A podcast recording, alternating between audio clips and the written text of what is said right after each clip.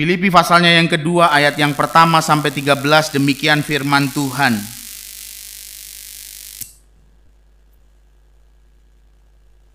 Jadi karena di dalam Kristus, jadi karena dalam Kristus ada nasihat, ada penghiburan kasih, ada persekutuan roh, ada kasih mesra dan belas kasihan.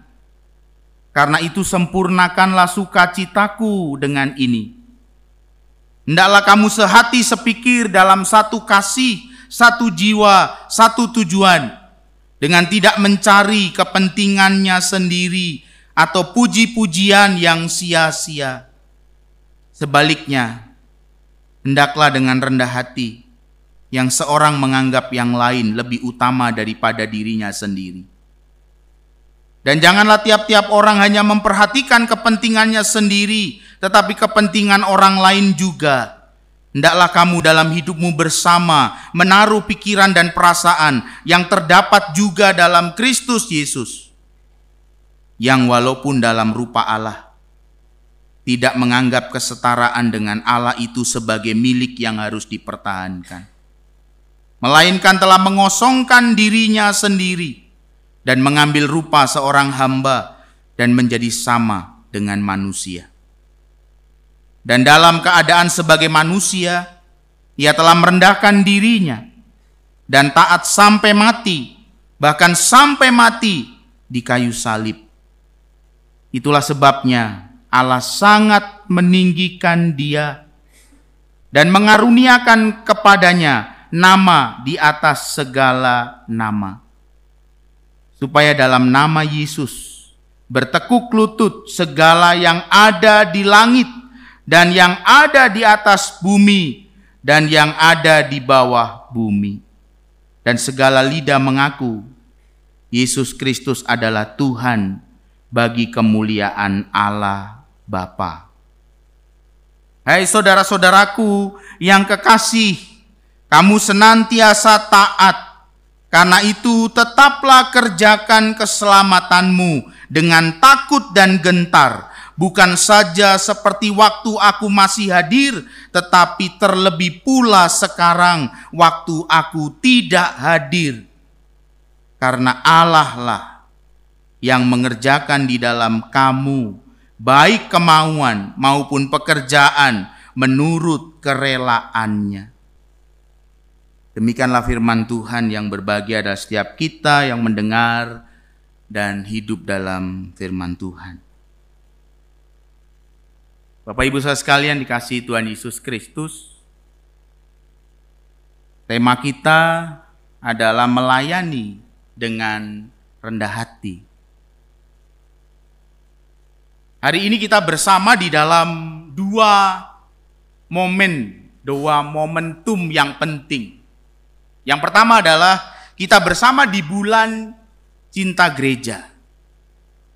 Dan hari ini kita juga merayakan hari ulang tahun pelita kasih yang ke-33 tahun. Dalam dua Hal inilah kita diajak untuk kembali melayani dengan rendah hati. Seperti apa rendah hati itu? Bapak, Ibu, dan saya orang-orang yang lebih sering rendah hati atau tinggi hati?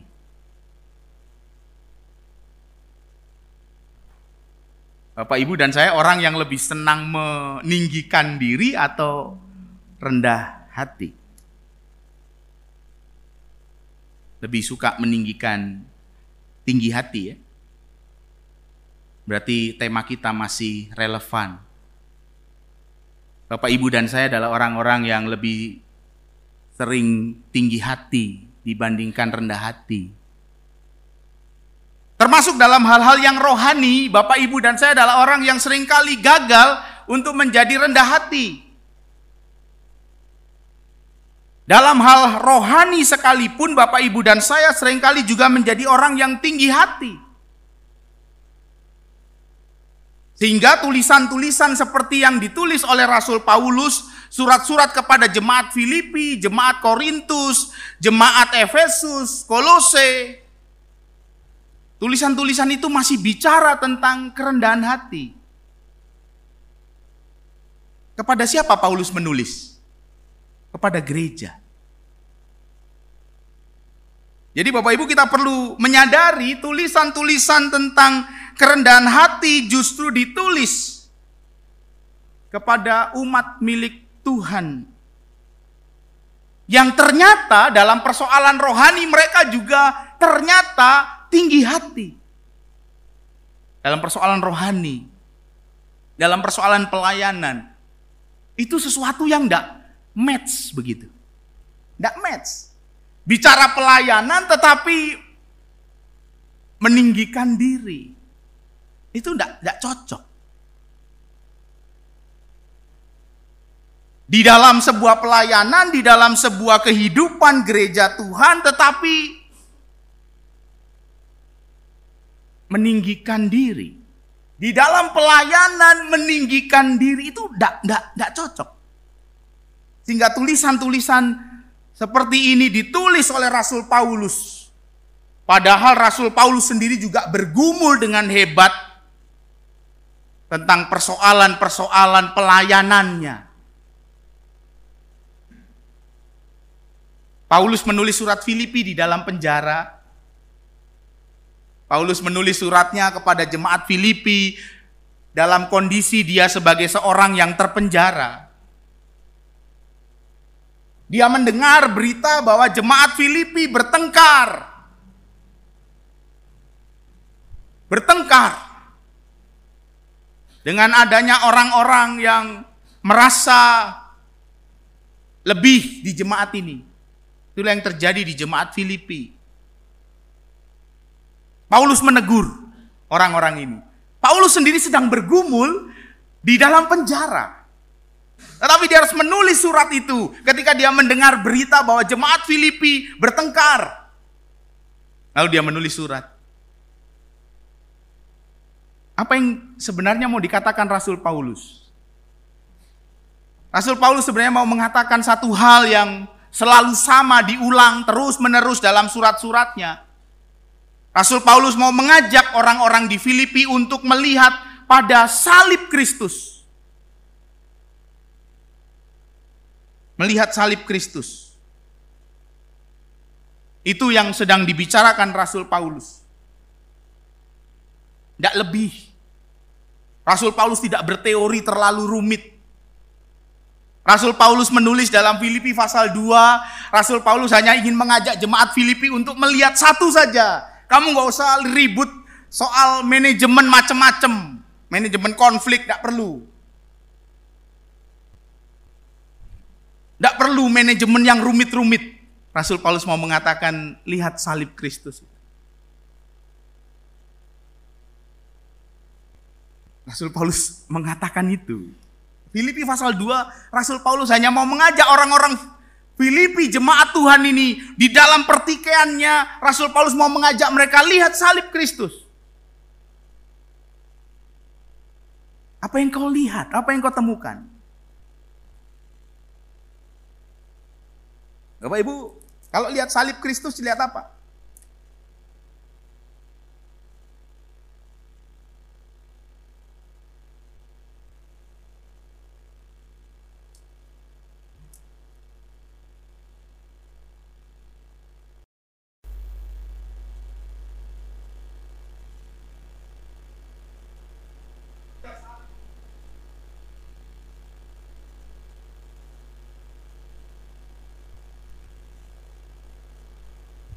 Lihat apa Bapak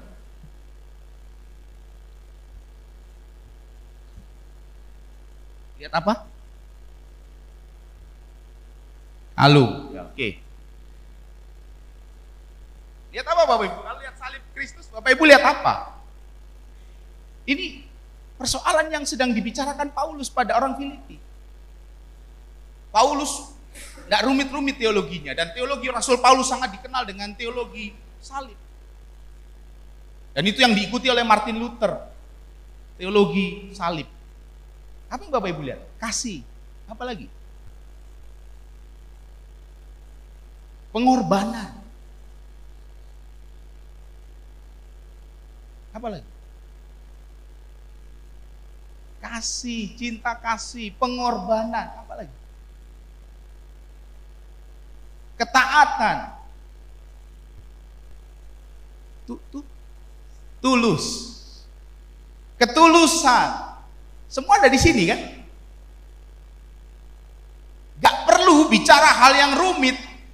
Persoalannya adalah Bapak Ibu dan saya tidak lagi mau melihat ini ketika kita berbeda dengan orang lain. Gak mau kita lihat ini lagi. Sehingga persoalan tidak selesai.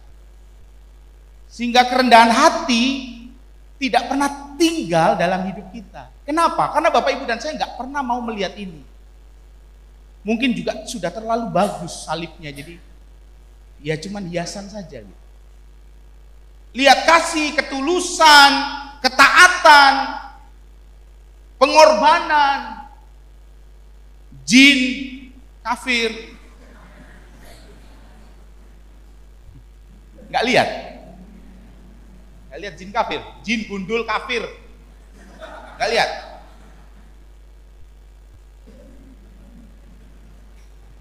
Ya kan? Loh, dari dulu, dari dulu, Bapak Ibu nggak usah nggak usah marah. Orang mau bilang, wah lihat salib, lihat jin kafir. Ya, memang bodoh. Salib itu dari dulu kebodohan. Ya kan? Bagi orang yang tidak percaya pengorbanan Kristus, ya ini kebodohan. Jadi Bapak Ibu ada sebuah konsekuensi. Ketika Bapak Ibu dan saya mengikut Kristus, Bapak Ibu dan saya hidup di dalam kerendahan hati, ada sebuah konsekuensi. Dunia akan menganggap Bapak Ibu dan saya bodoh. Kenapa? Karena salib itu kebodohan. Jadi kalau Bapak Ibu dan saya di dalam gereja, di dalam kehidupan tubuh Kristus, tidak semakin merasa bodoh, semakin merasa pintar, hati-hati. Karena salib itu bagi dunia akan membuat kita nampak semakin bodoh. Siapa dunia ini yang mau rendah hati? Tidak ada. Semua orang di dunia ini mau mengambil segala sesuatunya untuk dirinya. Tidak ada orang yang mau hidup untuk salib itu tidak ada. Orang yang mau hidup seperti salib itu tidak ada. Orang di dalam dunia ini semua kehidupannya itu ingin mengambil segala sesuatu untuk dirinya. Maka persoalan ini menjadi persoalan yang penting, persoalan yang membingkai seluruh iman Kristen. Persoalan yang paling besar membingkai iman Kristen adalah kerendahan hati.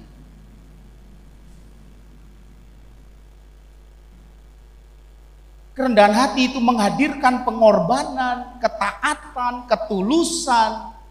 Di sini semua. Di sini semua. Orang bisa saja kasih, tetapi tidak berkorban. Mungkin tidak. Mungkin. Tetapi ketika orang menghidupi salib Kristus, maka ketika dia mengasihi, dia akan sampai pada pengorbanan, sampai pada ketaatan, pada penghinaan.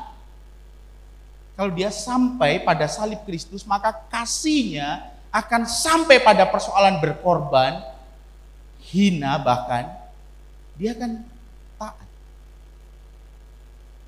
Rasul Paulus mengajak saudara dan saya untuk melihat salib Kristus. Filipi pasal 2 ayat 1 sampai 13 mau mengajak Bapak Ibu dan saya belajar dari salib Kristus. Hal utama dari salib bukan kehinaan sebenarnya, tetapi kehambaan.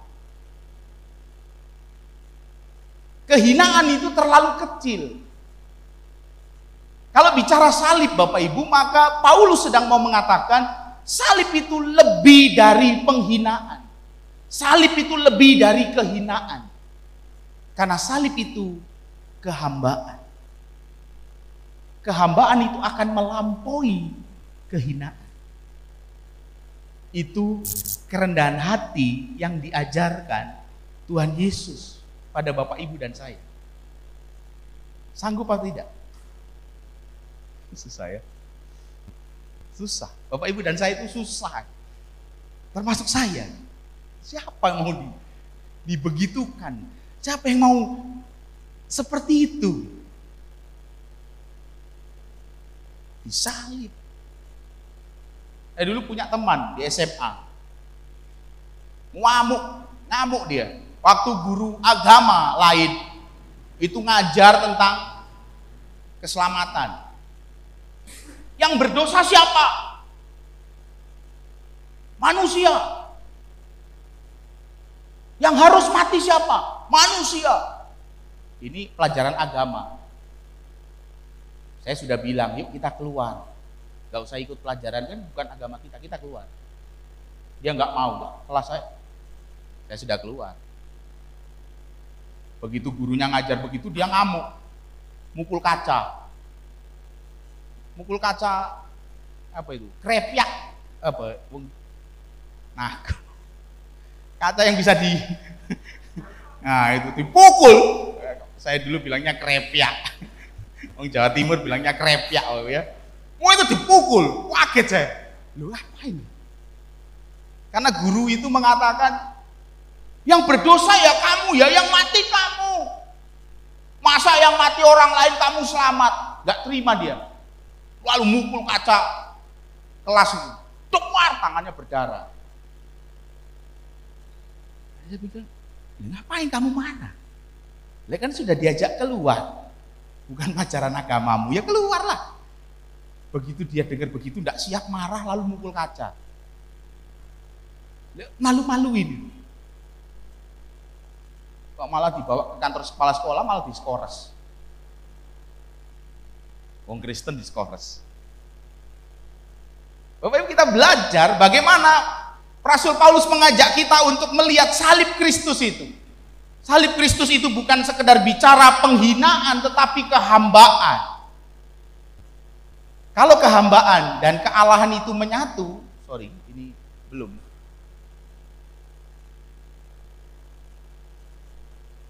Oke.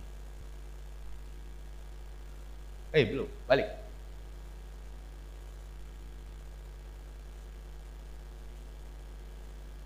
Balik, mundur.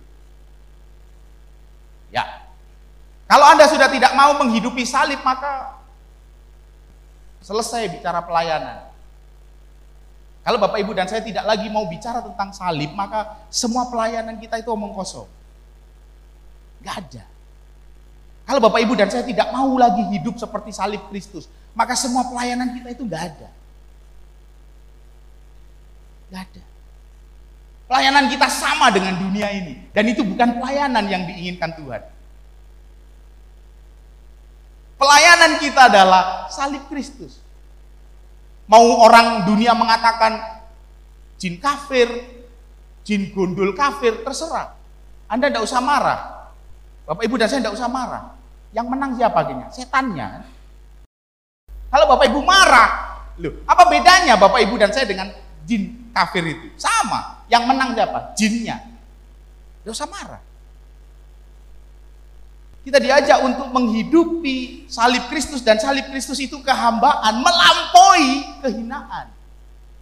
Kalau Bapak Ibu dan saya tidak lagi menghidupi salib, maka nggak ada pelayanan, nggak ada. Next.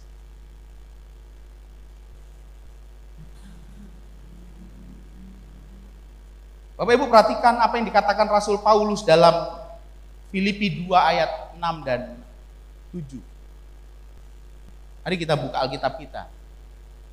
Bapak Ibu jangan lihat saya aja, saya grogi. Sudah lama nggak khotbah ya, grogi saya. Filipi 2 ayat 6 dan 7. Mari dilihat. Pelan-pelan kita membacanya, lihat kita lihat bersama yang walaupun dalam rupa Allah rupa Allah tidak menganggap kesetaraannya dengan Allah sebagai milik yang harus dipertahankan. Yang walaupun dalam rupa Allah tidak menganggap kesetaraan dengan Allah sebagai milik miliknya. Kealahan itu ke milik miliknya. Sebagai milik yang harus dipertahankan. Melainkan telah mengosongkan dirinya sendiri, mengambil rupa seorang hamba. Bapak Ibu, Rasul Paulus sedang mengatakan begini. Rupa Allah dan rupa hamba di dalam diri Yesus itu sama nilainya. Ketika Rasul Paulus mengatakan yang walaupun dalam rupa Allah ya, dia tidak mempertahankan rupa Allah itu melainkan mengosongkan dirinya dan mengambil rupa hamba. Rupa Allah dan rupa hamba di dalam diri Yesus itu sama nilainya. Tetapi Yesus meletakkan kealahannya untuk lebih menampilkan kehambaannya. Kata yang dipakai adalah sama-sama kata morfe. Ketika Paulus mengatakan dalam rupa Allah itu kata morfe. Dalam rupa hamba juga kata morfe. Sama kata itu. Karena Paulus mau mengatakan bahwa rupa Allah dan rupa hamba dalam diri Yesus itu sama pentingnya. Yesus tidak mungkin membuang salah satu. Itu maksud Paulus. Yesus tidak mungkin membuang kealahannya, tetapi Yesus juga tidak mungkin membuang kehambaannya. Itu bahasa Paulus tentang salib yang luar biasa. Salib itu menampilkan kealahan, tetapi sekaligus kehambaan. Itu rendah hati. Jadi rendah hati itu adalah orang yang seharusnya dimuliakan, tetapi dia meninggalkan seluruh kemuliaannya untuk mengambil posisi paling rendah. Itu rendah hati. Itu baru rendah hati. Orang yang berada di posisi yang paling mulia, dia mengambil posisi dengan sadar untuk menjadi yang paling hina, yang paling kecil. Itu baru rendah hati. Bapak Ibu dan saya itu cenderungnya dimuliakan. Betul enggak? Gereja kita itu cenderung liturgi kita, simbol-simbol gereja kita itu mengajak Bapak Ibu dan saya untuk dimuliakan. Betul gak? Pendetanya masuk, jemaat harus berdiri. Kenapa harus berdiri? Itu kan zaman kerajaan. Zaman Konstantinopel ketika gereja itu menjadi agama negara. Ketika raja itu masuk gereja, semua harus berdiri. Lalu itu menjadi bagian dari liturgi kita tanpa sadar. Karena memang yang kita adopsi itu liturgi Eropa. Kekristenan yang masuk ke kita itu adalah kekristenan Eropa. Penuh dengan kemuliaan. Kata itu ketika bicara tentang kerendahan hati itu susahnya bukan main. Bapak, Ibu, dan saya. Dulu majelis harus duduk di sana. Di atas ya, sekarang sudah mulai turun. Tapi kali sekalipun turun tetap di depan. Ini sebenarnya benih-benih kemuliaan, bukan kerendahan hati. Toga hitam, menakutkan kan? Saya aja yang pakai takut tuh. Ireng togai kan gitu. Wah, takut. Anak remaja, anak pra remaja, lihat saya khotbah pakai toga, takut tuh. Salaman di depan itu. Boleh enggak ganti warnanya pink? Anak pra remaja, ya saya tertawa saja. Tetapi saya membayangkan bahwa dia ini sedang gelisah. Kenapa gereja itu menakutkan? Betul enggak? Karena Bapak Ibu, kita itu bicara pelayanan, tetapi porsi yang diberikan kepada para pelayan itu kemuliaan. Sehingga para pelayan itu lalu lupa pelayanannya menjadi dibuai oleh kemuliaan. Nanti saya selesai begitu, selesai berkat, saya jalan, Bapak Ibu harus tetap berdiri. Sampai saya lewat baru boleh duduk. Oh itu kan kerajaan. Siapa yang raja? Tuhan atau manusia? Tuhan. Tuhan yang mulia itu saja mengambil jalan salib. Tidak ada orang yang berdiri untuk salibnya. Justru malah mengata-ngatai. Bapak Ibu bayangkan kalau saya turun dari mimbar lalu Bapak Ibu meludahi saya. Cuh, cuh. Bayangkan gitu ya. Lu itu loh jalan salib. Tapi saya tidak minta untuk diludahi nanti ya. Lo itu loh jalan yang ditempuh Tuhan Yesus itu itu. Makanya ketika hari ini kita bicara tentang kerendahan hati itu luar biasa itu, tidak mudah.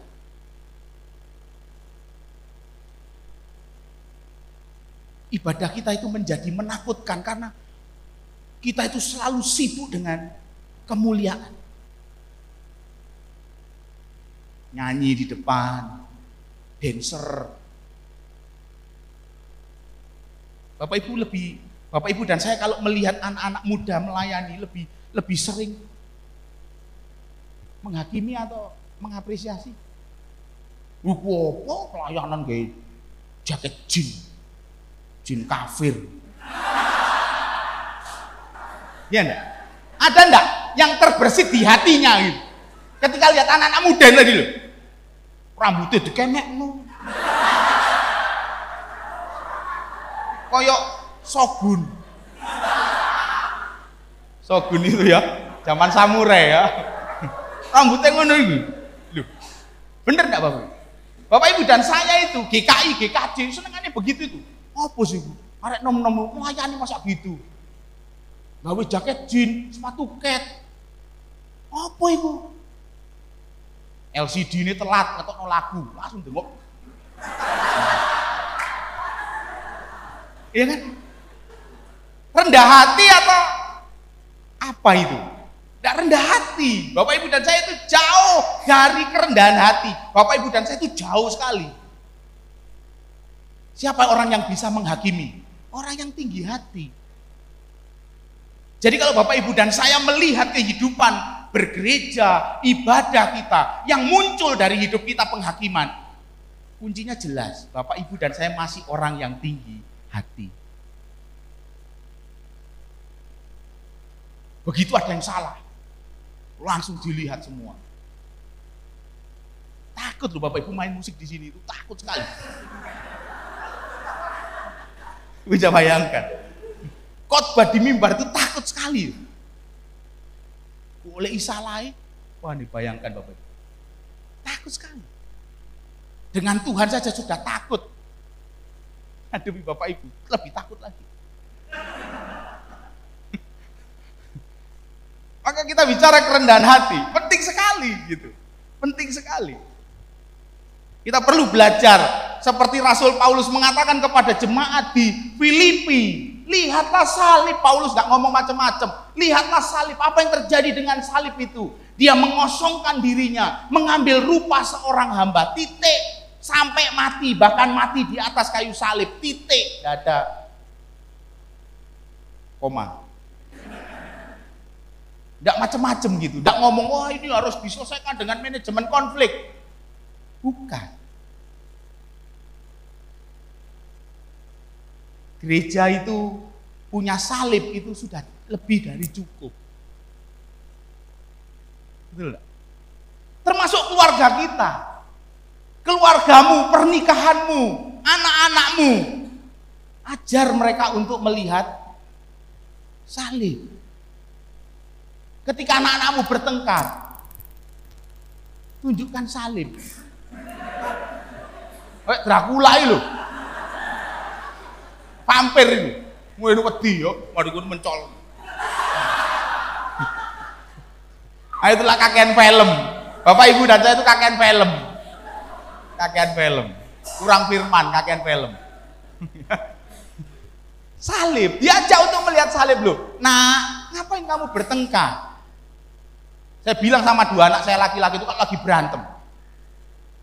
Ketika mereka kalau berantem masih nyari siapa yang salah kan? Dia salah, kok dia salah, sama-sama laki-lakinya.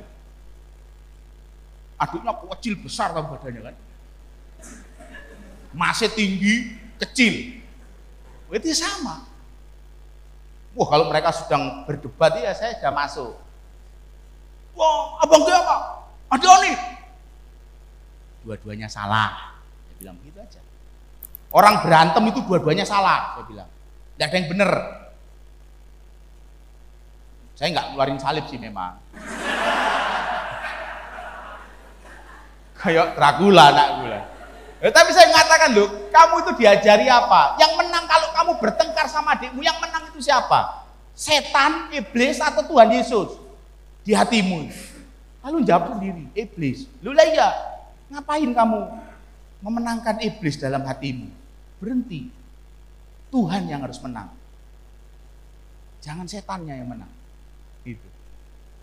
Inilah keseriusan Rasul Paulus bicara tentang kerendahan hati dan Paulus tidak bicara tentang hal yang rumit. Tentang kerendahan hati Paulus bicara lihat salib Kristus. Kamu mau melihat atau tidak? Kalau kamu tidak lagi mau melihat salib Kristus, tidak usah melayani.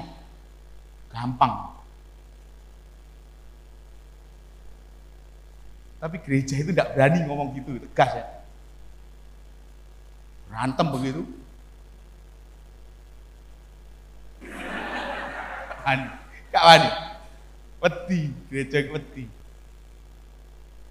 Lu padahal itu kan bukan sedang dihakimi. Diajak untuk melihat salib Kristus. Mau enggak lihat salib Kristus? Lu kalau kamu sudah enggak mau melihat salib Kristus, enggak usah melayani.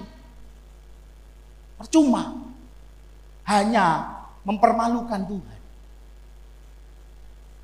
Kerendahan hati. Bapak Ibu dan saya, aku yo Kak Iso. Saya juga bergumul itu.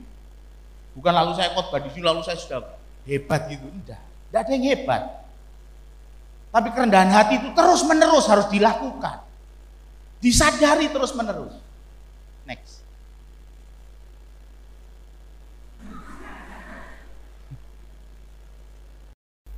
Allah meninggikan Yesus. Dasar dari kerendahan hati adalah Allah meninggikan Yesus karena Yesus merendahkan dirinya Dikatakan dalam Filipi pasal 2 ini.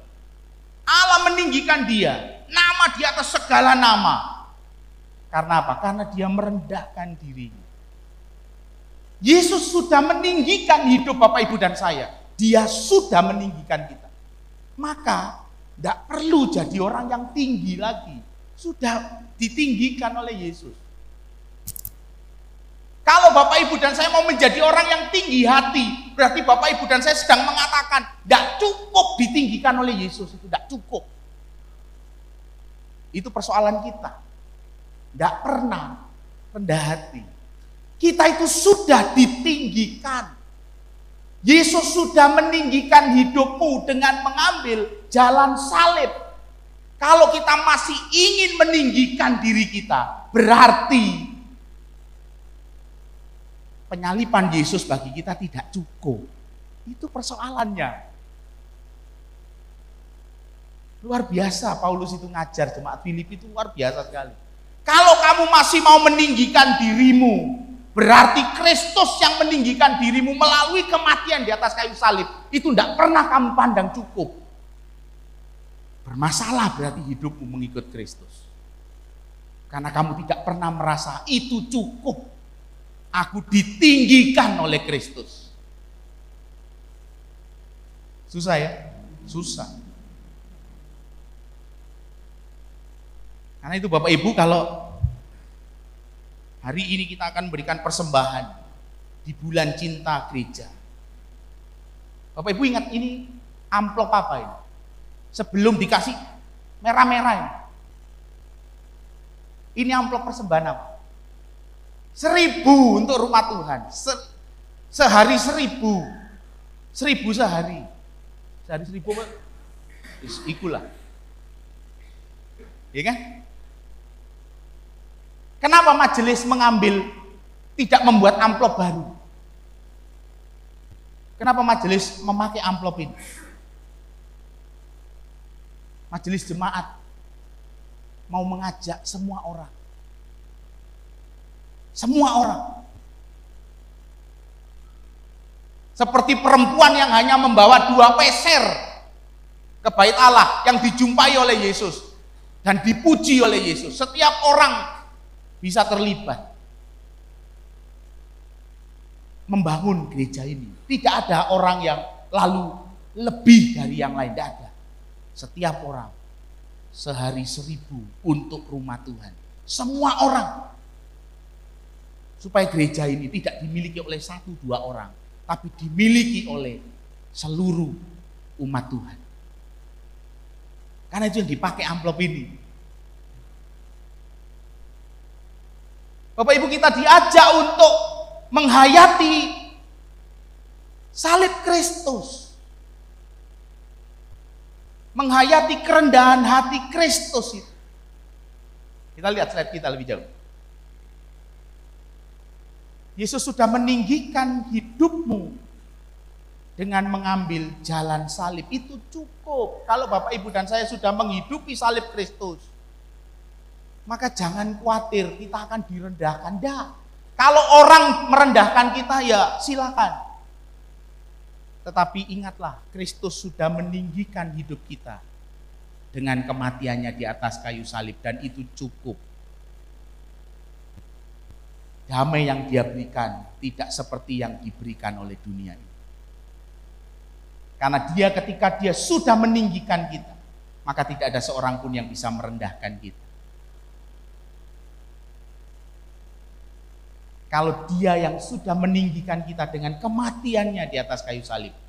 Bapak Ibu pegang satu hal yang Yesus mau tunjukkan. Tidak ada orang yang akan bisa merendahkan kamu kalau aku, Yesus Kristus, sudah meninggikan kamu. Itulah kunci kerendahan.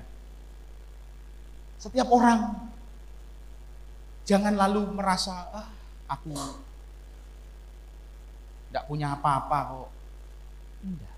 Jangan lalu menjadi orang yang rendah diri, minder. Kita itu sudah ditinggikan.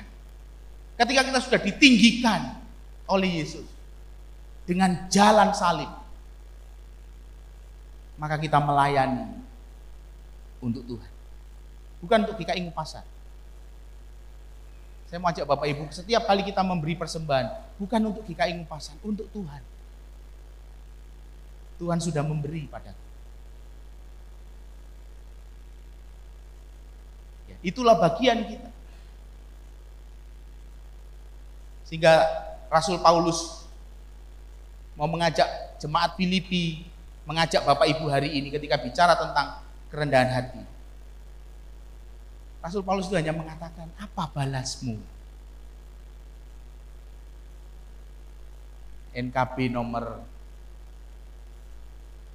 Berapa kok? 84. Pak Henry dibantu kan? NKB 84. Betul? Enggak, aku 84. Ditekan gambar tulisan ini.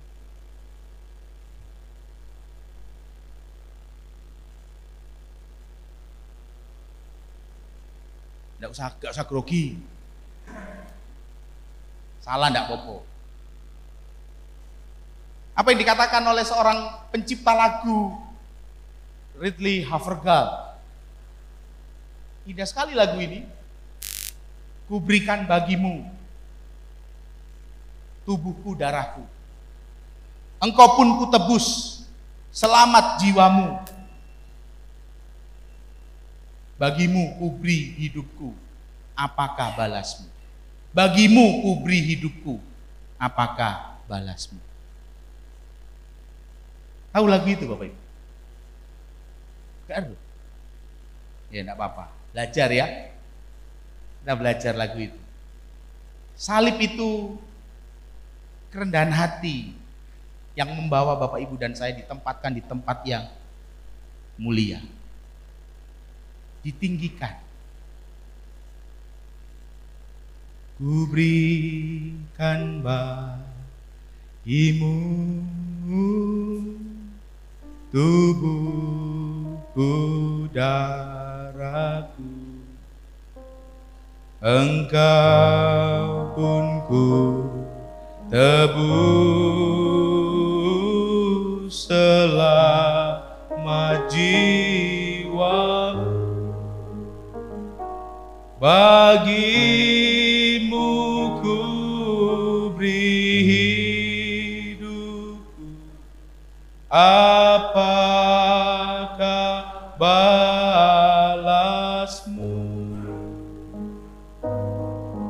bagimu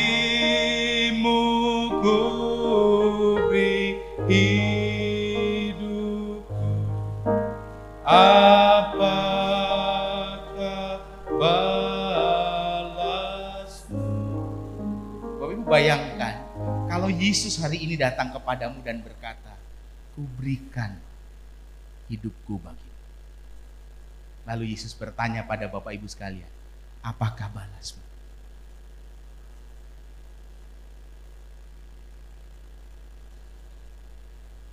Mungkin kita nggak bisa jawab. Mungkin kita cuma bisa nangis. Lagu ini mengajak kita untuk melihat kepada Tuhan.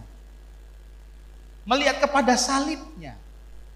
Kehidupan kita akan berarti. Kehidupan kita akan tinggal dalam kerendahan hati. Ketika kita mau melihat Tuhan.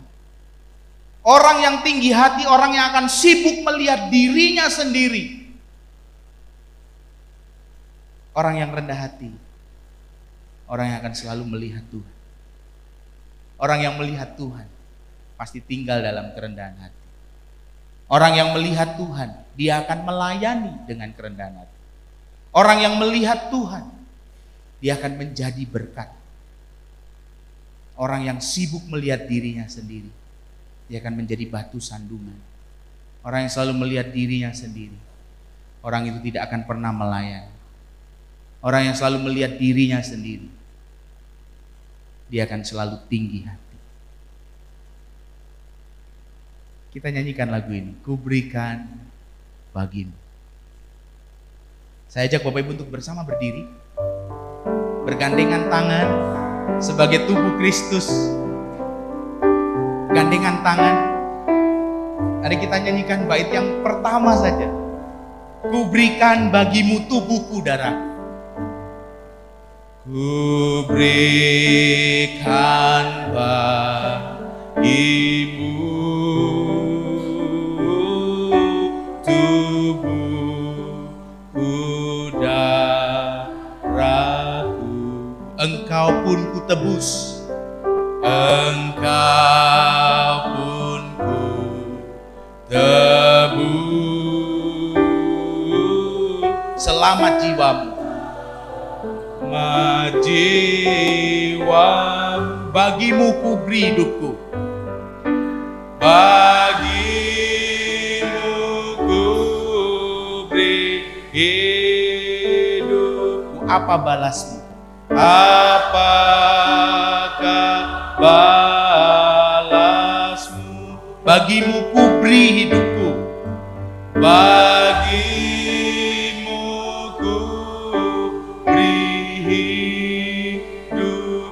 apakah balasmu? Apakah balasmu? Sekali lagi kita nyanyikan dengan sikap berdoa. Kuberikan bagimu tubuhku darahku. Kita ambil sikap doa. Kuberikan bagimu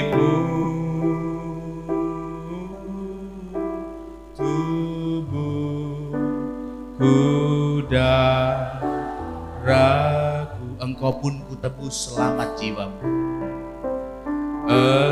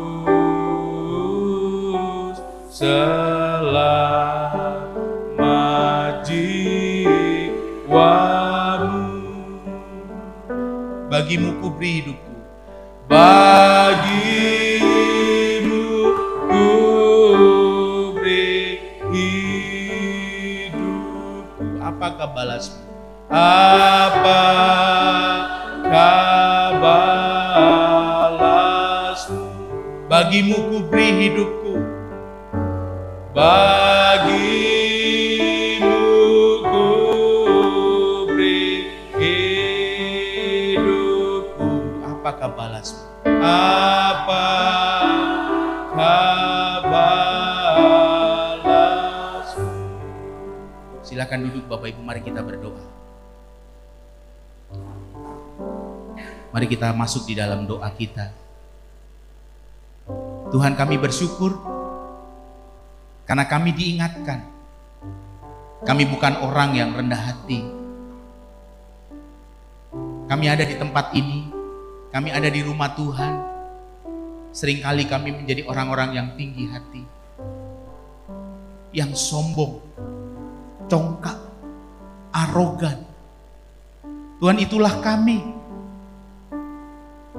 Di dalam rumahmu, sering kali kehidupan kami mendukakan hatimu. Karena kami tidak punya kerendahan hati. Tidak ada yang kami bangun. Tidak ada yang kami tumbuhkan.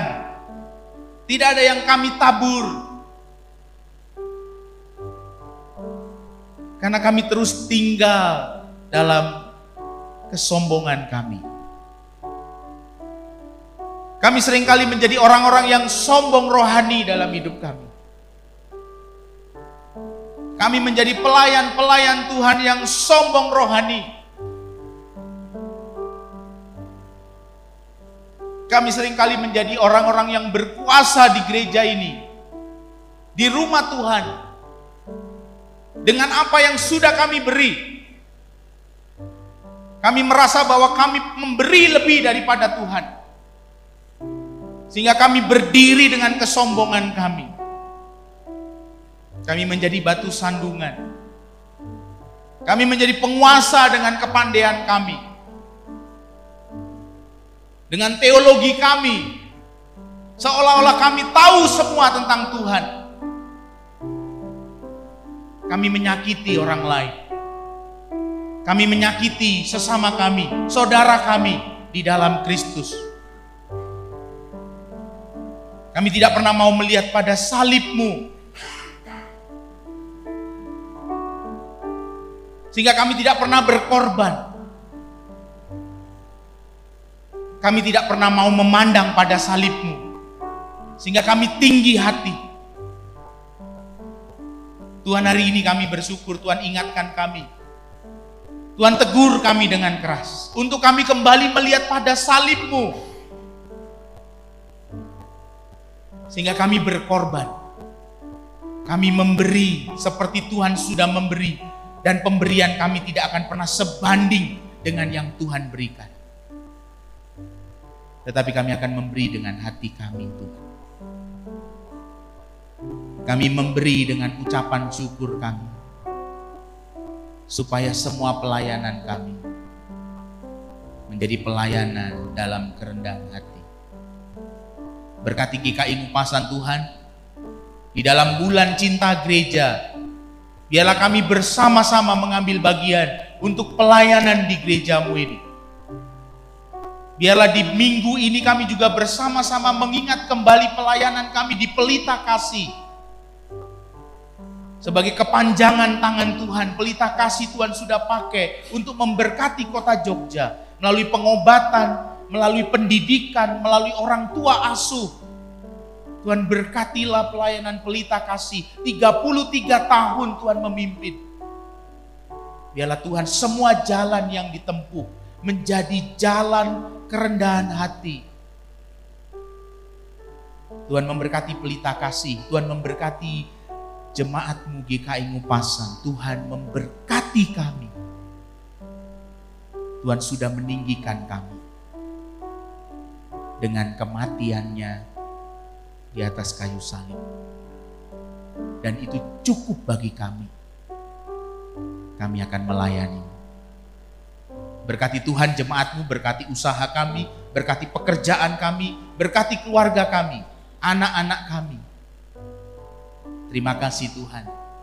Kami mau melangkah dengan sukacita dalam kerendahan hati supaya nama Tuhan dimuliakan. Dalam Yesus Kristus kami sudah berdoa dan bersyukur. Amin.